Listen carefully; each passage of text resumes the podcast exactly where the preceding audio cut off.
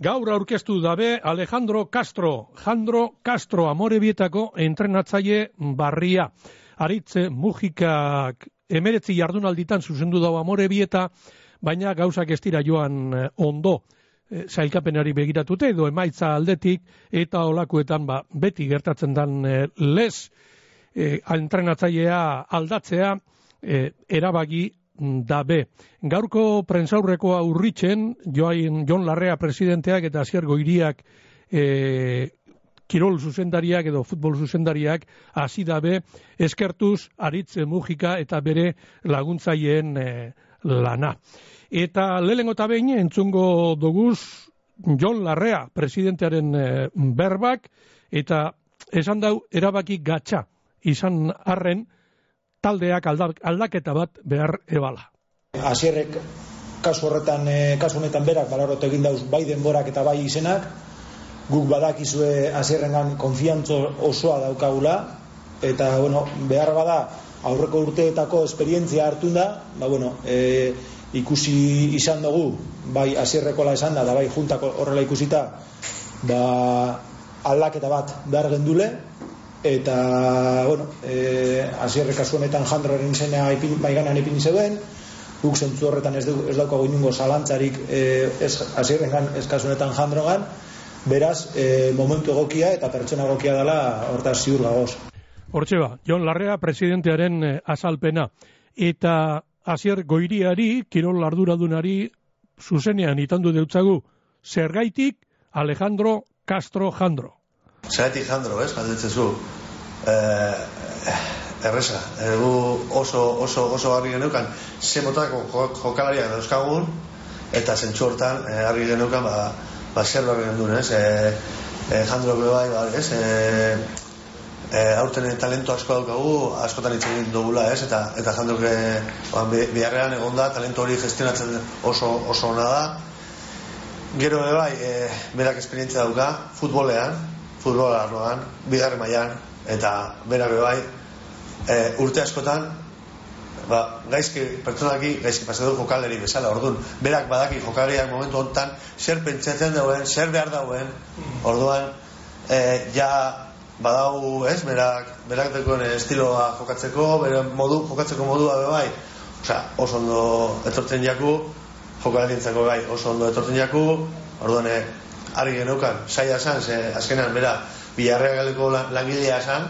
baina, bueno, hemen, di bai, ba, e, eskartzea ez, zean, ba, ba, itxuskun, ba, ba, ba, berainekin lan egin, eta, bueno, e, azkenan, e, posi gauz, e, ze jandro hemen daugurekin, eta, osta, argi daukagu, dana ondo, ondo joango dala. Eta Alejandro Castro Jandro, Asier goiriagaz egon zan, biak jokalari zidala Girona e, taldean eta goiriari itandu deutzagu edo azaldu deutzagu bazelan e, aprobet deigarri egiten dan hirugarren mailan entrenetan e, dabien gizon batek ba olako jauzi handia egitea bigarren mailako talde bat e, entrenatzeko. Bai, bueno, badakigu, bueno, horretik bai kendu zen entrenatzaileak zean etorri den bai, ez?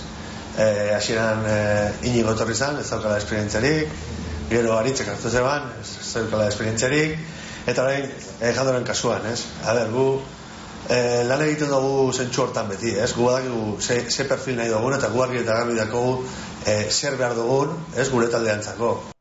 Ia ba, gauzak ondo urteten badabe amorebita taldean. Eta Jandro Castroren berbak entzungo doguz, berak eh, esan dau, amorebita esetuten dauela, eta taldea bizirik ikusten dauela.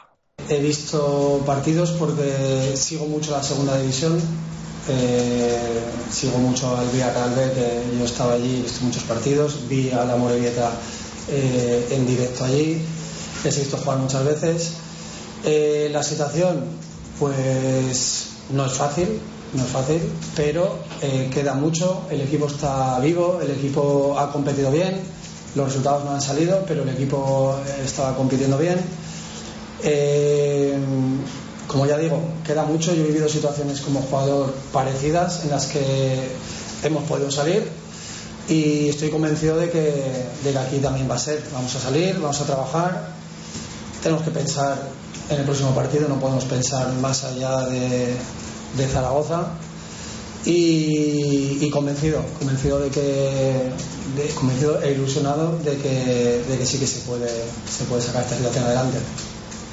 Eta lehen esan dugu, ez da, jauzia handia dela, irugarren mailatik, ba, bigarren e, mailara, tartean, beste maila bi e, dagozalako, bigarren federazio maila eta lehengo federazio mailea, baina jandrok dino, berak ez daukala, ez bertigorik, ez ikararik, eta baikor dala. No, vértigo no. Eh, por suerte he jugado muchos años en el fútbol profesional, en segunda división he jugado muchísimos, muchísimos años, he estado en vestuarios, Eh, ya llevo unos años entrenando. Eh, te digo, vengo muy ilusionado. No pienso, no tengo ni vértigo, ni miedo, ni, ni nada parecido. Lo que tengo es mucha ilusión, muchas ganas. me he encontrado un equipo que quiere, que entrena bien, un equipo unido, un equipo fuerte. Yo estoy convencido, como dije antes, que se va a sacar y, y bueno, ya llevamos. Bueno, bajandro Castroren etapea, hasiko da amorebeta taldean eta onena opa deutzagu jandrori eta zelanez amorebietari.